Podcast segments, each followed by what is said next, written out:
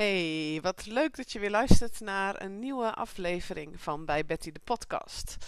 En vandaag wil ik graag uh, iets met je delen waar ik een beetje verbaasd over was. maar ik snap het ook. En ik vind, vind het leuk om, uh, om, ja, om hier eens even wat met je over te delen. Um, ik stond namelijk uh, laatst, ja, ergens, maakt ook niet heel veel uit waar.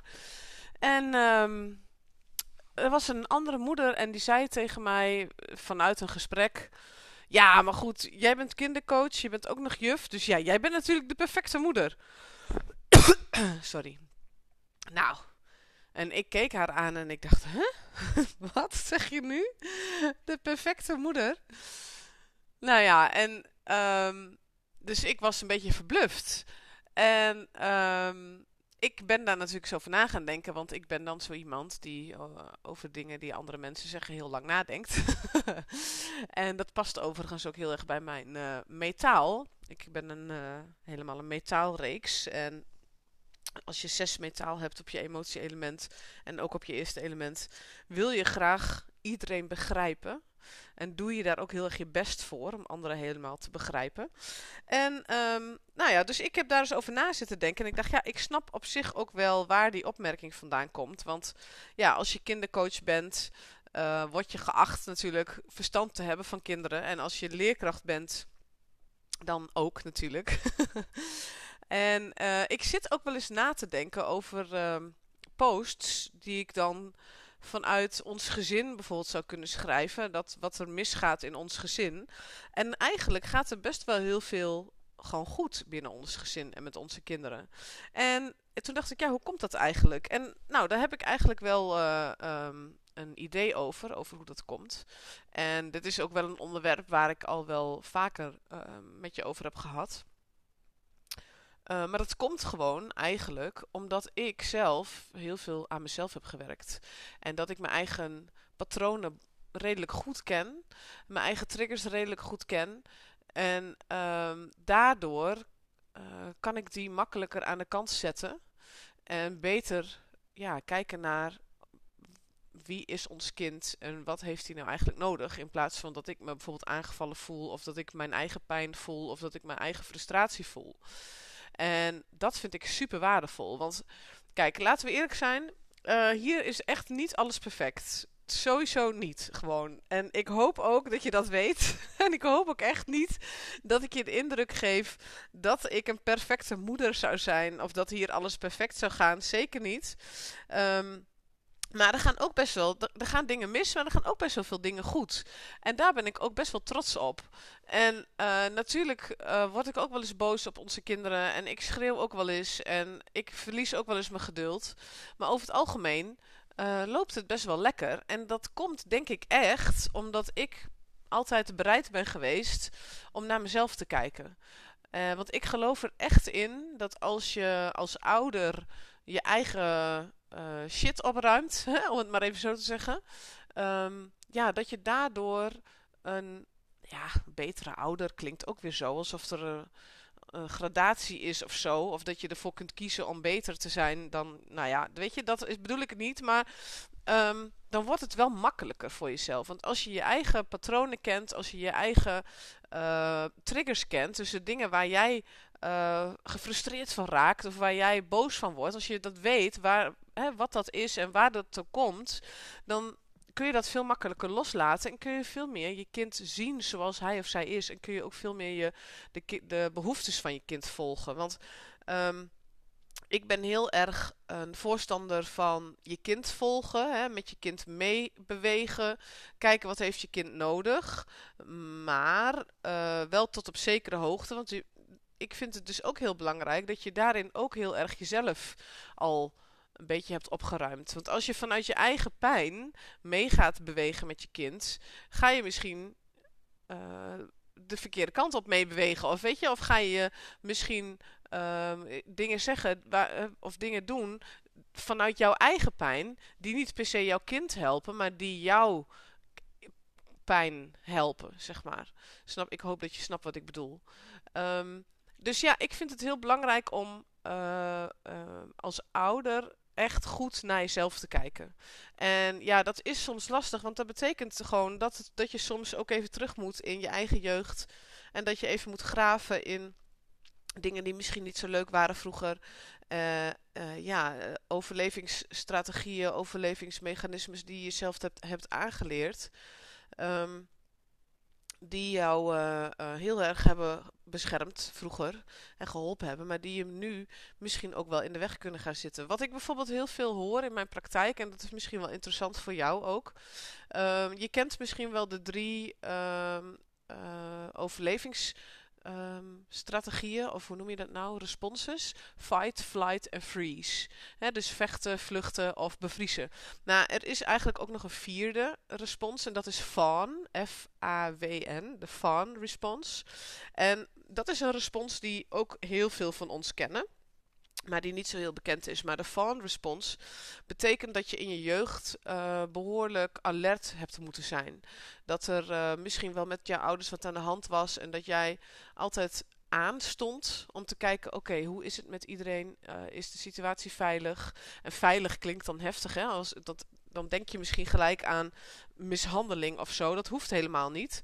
Um, maar um, hè, als je een ouder hebt die plotseling boos kan worden zonder dat jij dat aanziet komen, nou dan is dat voor een kind echt een schrikreactie. Dus het vervolg is, je gaat constant opletten van oké, uh, wanneer komt die boosheid? Hè, moet ik alert zijn?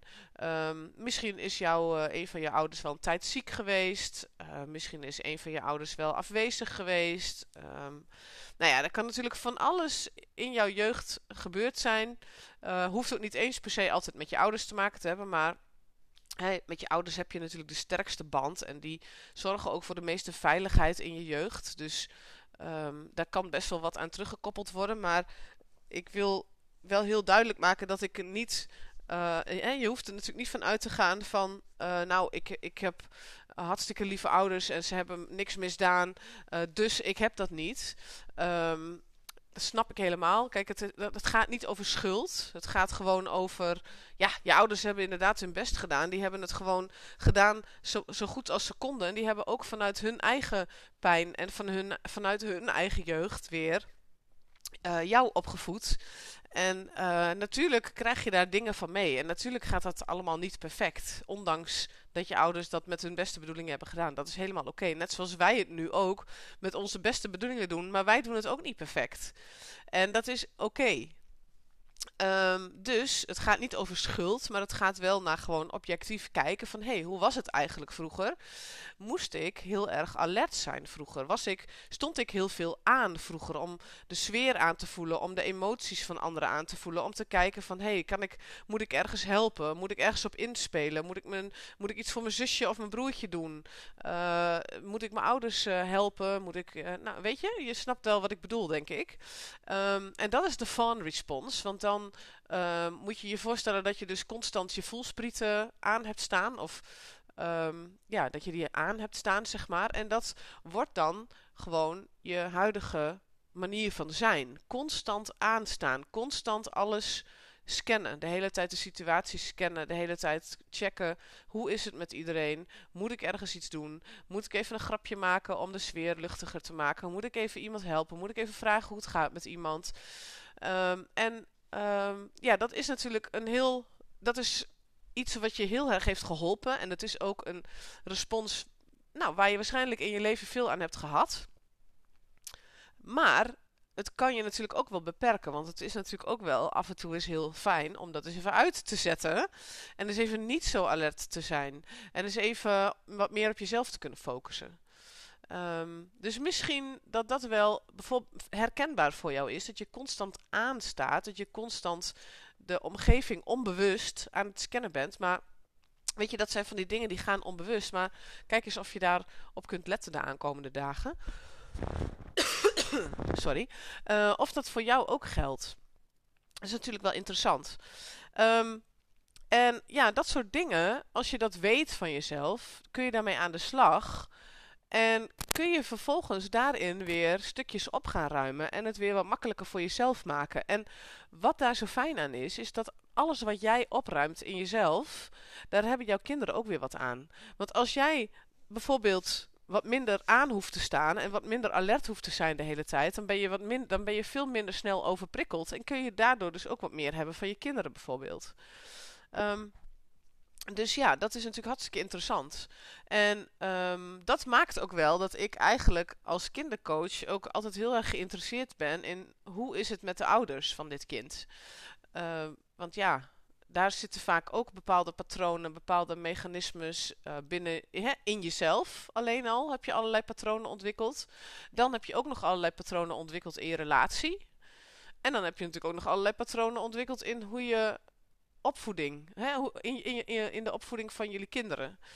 Dus ja, dat is natuurlijk hartstikke interessant om die eens te gaan ontrafelen en te kijken van oké, wat valt hier allemaal te ontdekken, op te lossen, op te ruimen, zodat je Um, want hoe ik het eigenlijk een beetje zie is dat je als een soort ui, um, hè, dat je die, die laagjes om jezelf he heen hebt, waar je helemaal niet altijd zo bewust van bent. Die patronen en die mechanismes en die, nou soms blokkades, uh, die, uh, die heb je om je heen. En ja, daar kun je heel moeilijk jezelf doorheen voelen, zeg maar. En je kunt ook wat lastiger anderen door die laagjes heen zien. En als jij die laagjes af gaat pellen, steeds meer af gaat pellen. Ja, ik zit, ik zit ook dat zo uit te beelden. Dat zie jij niet, maar ik zit nu als een, als een uh, sukkel uh, uit te beelden dat je laagjes afpelt. maar um, als je die laagjes afpelt van jezelf, ten eerste kom je dichter bij jezelf. Dus kun je veel beter jezelf voelen. Kun je veel beter je intuïtie voelen. Kun je veel beter merken aan jezelf: oké, dit past echt bij mij, dit past niet bij mij. Dit, dit voelt goed voor mij, dit voelt niet goed voor mij. En ten tweede kun je veel beter die ander zien. Zonder al jouw laagjes ertussen. Want als je door die laagjes heen naar de ander kijkt, dan, ja, dan, dan kijk je eigenlijk door jouw bril, ja, we kijken altijd door onze eigen bril naar de ander, met onze eigen levenservaringen en zo. Maar als je wat meer die laagjes kunt afpellen en wat meer jouw eigen blokkades kunt doorzien, je eigen triggers een beetje los kunt laten, je eigen patronen kunt doorzien, dan kun je ook veel minder oordelend bijvoorbeeld, of veel oprechter naar die ander kijken. En dus ook naar je kind. Dus hoe fijn is dat? Dus eigenlijk uh, heb jij er zelf heel veel aan als jij je eigen patronen, je eigen blokkades, je eigen shitzooi op gaat ruimen, de gaat, hè, die laagjes af gaat pellen. En je hele omgeving heeft daar gewoon ook wat aan. Want iedereen wordt er gewoon blijer van als jij veel meer jezelf bent. Als jij zoveel mogelijk jezelf bent. Want misschien ben je al heel veel jezelf. Maar. Um, en ja, dat is eigenlijk ook dus hoe ik kwam op nou ja, jij bent, uh, jij bent kindercoach en juf, dus jij bent zeker de perfecte moeder. Bij jou is zeker nooit iets. Nou ja, dat is niet zo. Maar doordat ik al best wel wat van die laagjes heb afgepeld en best wel veel met zelfontwikkeling bezig ben, um, helpt mij dat enorm om bij bepaald gedrag van mijn kinderen bij mezelf te voelen van oké, dit is mijn, uh, dit is mijn ding. Uh, wil ik ook dat ik dat op hen leg, mijn ding? Of, of is dit gewoon echt van mij en, en moet ik het even loslaten en even hun gewoon laten, weet je wel? En, dat, en, en wat ik zeg, normaal iedereen heeft... Hè, ik ben ook wel eens moe en, en ziek en, ugh, en overprikkeld. En dan heb ik ook minder geduld en dan ben ik ook sneller ergens klaar mee. Um, maar over het algemeen lukt dat mij best wel goed. En dat komt dus gewoon echt omdat ik ja, naar mezelf kijk en mezelf ontwikkel en mijn eigen um, ja, shitzooi probeer op te ruimen. En het nadeel is gewoon, het is een eindeloos verhaal. Je kunt er je hele leven mee bezig blijven. maar um, ja, er zijn gewoon echt wel een aantal dingen waarvan jij zelf waarschijnlijk ook wel weet. Ja, daar heb ik wel last van. Of dat zit me wel dwars. Of ja, dat komt toch wel steeds naar boven. Hoe fijn zou het zijn om daar dus mee aan de slag te gaan. En heel veel mensen hebben daar een beetje weerstand op. Want ja, dat betekent dat je misschien wat minder leuke dingen.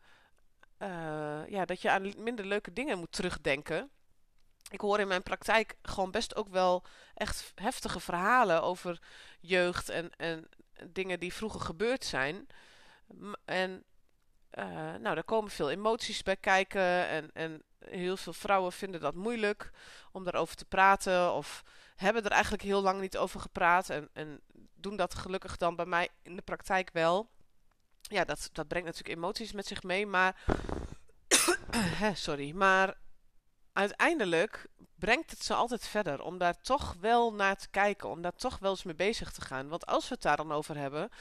Dan ga ik vanuit mijn kennis en mijn intuïtie uh, vragen daarover stellen. Dan gaan we linkjes leggen, dan gaan we verbanden leggen. En dan komen we erachter hoe bepaalde dingen werken voor jou. Uh, uh, hoe bepaalde dingen zich nu in je leven laten zien. En um, waar het dan vandaan komt. En, en ja, ik, ik kan het niet heel goed, merk ik, onder woorden brengen. Omdat het zo persoonlijk is. Want anders ga ik voorbeelden van iemand noemen. En dat, dat kan ik gewoon niet doen. Want ik wil niet dat dat terugherleid kan worden naar iemand. Maar um, ik kan me dus voorstellen, er zit gewoon vaak weerstand op. Hè, om daar eens naar te kijken. Om terug te gaan naar mijn jeugd. Naar je jeugd. Omdat je denkt van ja, nou mijn jeugd was prima. En uh, ja, dan natuurlijk ging er wel eens wat mis. Maar uh, ja, hè, kan gebeuren. En dat is ook zo. Maar aan de andere kant kan het dus echt heel bevrijdend werken. Nou ja, kan het niet. Het is gewoon heel bevrijdend om daar toch naar te kijken. En om toch die shizzle van vroeger op te ruimen. Zodat je ruimte creëert voor jezelf en ook voor je kind. Want wat er ook veel gebeurt, en dat leer ik nu ook weer heel erg in mijn training systemisch werk. Dat kinderen klokkenluiders zijn uh, van wat er in het systeem aan de hand is geweest vroeger in jouw jeugd of in de jeugd van jouw ouders of nog verder terug. En um, het systeem zoekt altijd een weg om uh, bepaalde dingen toch weer boven water te brengen. Want een systeem wil altijd compleet zijn, een systeem wil altijd heel zijn en een systeem uh, wil dat alles gezien wordt. Dus als je dingen weg gaat stoppen, op een of andere manier komt het er wel uit en heel vaak komt dat via onze kinderen naar boven. Dus dat betekent dat als jij het aan gaat kijken, jouw kind niet meer die klokkenluider hoeft te zijn. Hoe fijn is dat? Want kinderen hebben geen idee, hè? ze doen dat niet bewust, dat gebeurt gewoon. Um, maar heel vaak is het zo dat als je als ouder uh, nou, je dingen aan gaat kijken en met je, met je eigen dingen bezig gaat, dat je kind rustiger wordt. Bijvoorbeeld, hè? Of nou ja, wat er dan ook maar speelt, dat, dat probleem, dat ebt weg. Dat je, je kind hoeft niet meer die spiegel te zijn van jou. Die hoeft niet meer uh, jou proberen in de richting te wijzen van die blinde vlek. Of van die uh, blokkades die je hebt. Um, dus ja, het, het helpt gewoon enorm om daarmee aan de slag te gaan. En dat hoeft echt niet een, een tranendal te zijn en een, een, uh, een uh, hoe heet dat? Een, een diep dal waar je nooit meer uitkomt. Bij mij in de praktijk is er nog nooit iemand helemaal ingestort en niet meer naar boven gekomen. Sowieso storten mensen niet bij mij in de praktijk niet echt in, omdat we, ja, weet je, we bespreken de rotdingen, maar we gaan ook daarmee aan de slag op verschillende manieren. En ik ben echt nog steeds bezig om allerlei technieken mezelf aan te leren om maar jou daarbij te kunnen helpen. Dus ik ben, uh, die visualisaties die werken daar gewoon heel goed bij. Uh, systemisch werken helpt daar gewoon heel goed bij. Ik ben nu bezig met een training EFT, Emotional Freedom Techniek. Dat is kloppen op bepaalde punten in je lijf, meridianen in je lijf, om ook emoties en spanningen los te laten. Um, dus we kunnen gewoon de techniek pakken die voor jou goed voelt. En het zijn allemaal zachte technieken. Um, waarbij je niet uh, nou, helemaal huilend in een bal op de grond ligt, zeg maar. het zijn uh, zachte manieren om jou te helpen je shit aan te kijken en verder te kunnen. Ja, dus dat eigenlijk. en ik gun dat gewoon alle kinderen. Dat alle ouders dat gaan doen. Want dat geeft kinderen zoveel meer vrijheid. En het geeft jezelf als ouder ook gewoon zoveel meer vrijheid. Want je kunt dus veel makkelijker bij jezelf blijven. En je gaat veel minder, merk ik zelf, en merk ik ook in mijn praktijk, Ouders gaan veel minder in de emoties zitten als ze met hun kind iets is. Ze kunnen veel makkelijker rustig blijven. Veel makkelijker bij zichzelf blijven. En daardoor um, een soort van rustige baken zijn voor hun kind. Want als je meegaat in de emotie vanuit je eigen trigger en jouw kind wordt kwaad ergens om en jij wordt daardoor getriggerd en je wordt ook heel kwaad en je kind wordt nog kwaaier en jij wordt nog kwaaier en ja, uiteindelijk uh, smijt iemand een deur keihard kapot, wordt er uh, stampend de trap op gerend en uh, worden er allemaal dingen geroepen waarvan je later denkt, oh had ik dat maar niet gezegd. Um, terwijl als je die laagjes af hebt gepeld en je hebt die dingen aangekeken, dan kun je veel makkelijker gewoon je kind in die boosheid zien. En je kind even boos laten zijn en niet op jezelf betrekken. En um, dat gewoon even er laten zijn. Want emoties mogen er gewoon even zijn.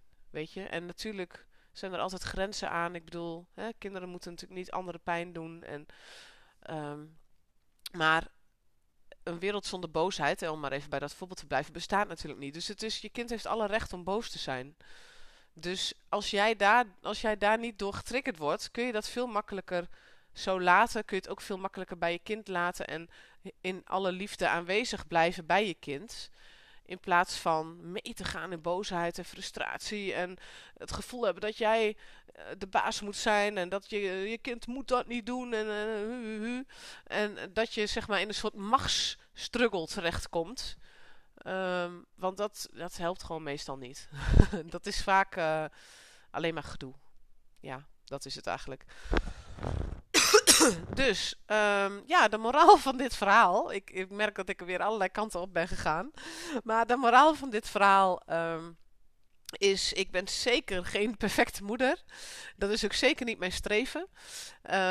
Maar uh, doordat ik aan mezelf werk en doordat ik met mijn eigen ontwikkeling bezig ben, uh, merk ik wel echt dat het makkelijker is om moeder te zijn en om mijn kinderen uh, te begeleiden en voor ze te zijn, zonder dat ik zelf heel erg getriggerd word in mijn eigen pijn en in mijn eigen angst en in mijn eigen boosheid of verdriet of wat het maar is. En ja, dat gun ik eigenlijk alle ouders en alle kinderen vooral. Nou, mocht je nu naar dit hele verhaal denken: Goh, Betty, uh, dit snijdt hout. Uh, ik ben er klaar voor. Want dat zou ik echt super tof vinden als je dat gaat doen. Want het vergt wel moed. Uh, want dat is ook gewoon, hè, dat zeggen mensen dan ook tegen mij: van ja, je praktijk groeit, geloof ik wel. Maar ja, ik, ik hoor er niet zoveel over bij anderen. En, en dat komt omdat mensen praten niet zo makkelijk over coaching. Want ja, hè, als je op een verjaardag zit, ga je natuurlijk niet vertellen. Nou, ik ben bij een coach uh, omdat ik mijn uh, kind uh, dingen eens even aan ga kijken. En ja, ik kwam erachter dat ik deze en deze blokkade had. En ja, coaching is gewoon hartstikke privé. En dat is ook de bedoeling, want het moet gewoon heel veilig zijn. En daarom zal, zal ik ook nooit iets delen over een klant of over. Nee, ik, ik hoor ontzettend veel in mijn praktijk. En ik praat nergens over. En um, wat was mijn punt hier nou bij? oh ja, nou ja, het is dus, ik snap dus dat het moeilijk is om te zeggen: oké, ik wil dit wel. Er, zijn, er wordt namelijk ook niet veel over gepraat. En uh, je kunt, als je mij googelt, uh, kun je een aantal Google reviews zien. Maar ik krijg zoveel meer reacties dan die jullie lezen, omdat uh, de mensen die ik begeleid, uh, ja, die gaan niet natuurlijk op Google met hun voor- en achternaam vertellen wat ze allemaal bij mij hebben gedaan en hoe dat is gegaan en hoe fijn het nu is. Want dan weet de hele wereld dat zij bij een coach zijn geweest. Snap je? Dus dat. Dus, maar wat mijn punt is, er zijn dus echt best wel veel mensen die dat doen. En, en het helpt gewoon echt. En ik hoop echt dat je die stap gaat zetten voor jezelf en voor je kinderen. En uh, aan de ene kant vergt het moed. Want je moet wel even uh, misschien die shitzooi aankijken. En aan de andere kant maken we het echt niet te zwaar. En ga je echt niet instorten. En er zijn ook genoeg mensen die tegen mij zeggen: Ja, het is nu niet echt een moment. Want ja, ook we zijn verhuizing en andere baan enzovoort. Maar ja, ik denk eigenlijk altijd. Um, er is geen goed of slecht moment voor zoiets. Want aan jezelf werken, die tijd aan jezelf gunnen, met jezelf bezig zijn, het maakt niet uit op welk moment dat is. Misschien juist wel in zulke drukke momenten is het heel fijn om het juist wel te doen. Om juist jezelf die tijd te gunnen. Om met jezelf aan de slag te gaan. Dus uh, ja, dus dat. dus ik hoop ehm, ja, dat jij de moed hebt, de durf hebt om dat te gaan doen voor jezelf en voor je kinderen. En het streven is dus niet dat je een perfecte moeder wordt. Want dat gaan we gewoon niet worden. En dat hoeft helemaal niet. Dat is absoluut mijn streven niet in elk geval. Maar mijn streven is wel om uh, ja, mijn eigen patronen en mijn eigen blokkades gewoon zo goed mogelijk te kunnen doorzien. Zodat ik die niet bij mijn kinderen weer neerleg. Zodat ik die niet door ga geven aan mijn kinderen. Want dat gebeurt er natuurlijk heel vaak. Dat we bepaalde patronen van onze ouders hebben geleerd. En of we doen hetzelfde of we gaan het tegenovergestelde doen. En we hebben het niet door, hè, want dat zijn vaak hele kleine subtiele dingen. Uh, maar um, ja, ik, ik gun het mijn kinderen heel erg om gewoon echt helemaal als zichzelf zich te ontwikkelen. Zonder belast te zijn met mijn angsten, met mijn pijn, met mijn verdriet, met mijn boosheid uh, enzovoort. En ja, het lijkt me tof om jou daarin ook te begeleiden. Dus als je zegt, goh, nou, ik durf dat wel aan, dan ben je van harte welkom. Uh, zoals ik al zei, ik heb allerlei verschillende technieken waar ik dat mee, uh, um, ja, waar we mee aan de slag kunnen. En we kijken gewoon wat bij jou past, wat bij jou werkt. En um, als je wel wat reviews wilt lezen, kun je altijd op mijn website kijken. Op Google uh, zie je wat reviews. En op mijn Instagram en mijn Facebook lees je ook best wel wat reviews. Meestal anoniem dan, als het over coachingstrajecten gaat. Um, want ja, weet je, het is gewoon heel persoonlijk. Dus ja, de meeste mensen hangen dat natuurlijk niet aan de grote klok. Uh, als je nou zegt van goh, ik, ik wil eigenlijk eerst wel eens wat anders, wat laagdrempeligs doen, dan kun je altijd aansluiten bij een vrouwencirkel. De volgende is uit mijn hoofd 7 april of 6 april. Uh, op een vrijdagavond, vrijdagavond 6 april of vrijdagavond 7 april, weet ik even niet aan mijn hoofd. Um, ook heel fijn om bij aanwezig te zijn. En dat is een avond. En dan kun je gewoon eens in mijn praktijk zijn. En dus voelen hoe het is. En wie ik ben. En of dat goed voelt. En als je nou wat verder weg woont. Uh, trajecten met volwassenen kan ik zeker ook online doen. Uh, dat is zeker geen probleem. Met kinderen werk ik liever gewoon in mijn praktijk. Maar met volwassenen kan het zeker ook online. Dat is eigenlijk geen enkel probleem meer tegenwoordig. Dus uh, ja, als je dat ziet zitten Stuur me gewoon vrijblijvend een berichtje, want uh, een kennismakingsgesprek is altijd gratis. Hè? Dus je zit echt nergens aan vast. Als je toch denkt nee, is het ook helemaal oké. Dat is echt geen probleem. Dus um, ja, je kunt me een berichtje sturen door me te mailen. betty.bijbetty.nl Je kunt me een DM sturen op Instagram. Facebook mag ook, maar ik vind Facebook heel lastig met die messenger. Want ik krijg heel vaak pas heel laat een melding van een bericht. En dan, dan heb, heeft iemand hem al een paar dagen geleden verstuurd. En dan krijg ik pas drie of vier dagen later een, melding daarvan. Heel gek. Dus liever via Instagram. Uh, of dan via de mail. En via mijn website heb je ook een contactformulier. Dus ik ben op allerlei manieren te bereiken. um, ja. Ik uh, hoop dat ik je geïnspireerd heb, heb met deze podcast. En uh, wie weet tot binnenkort. En een hele fijne dag of avond. Dag.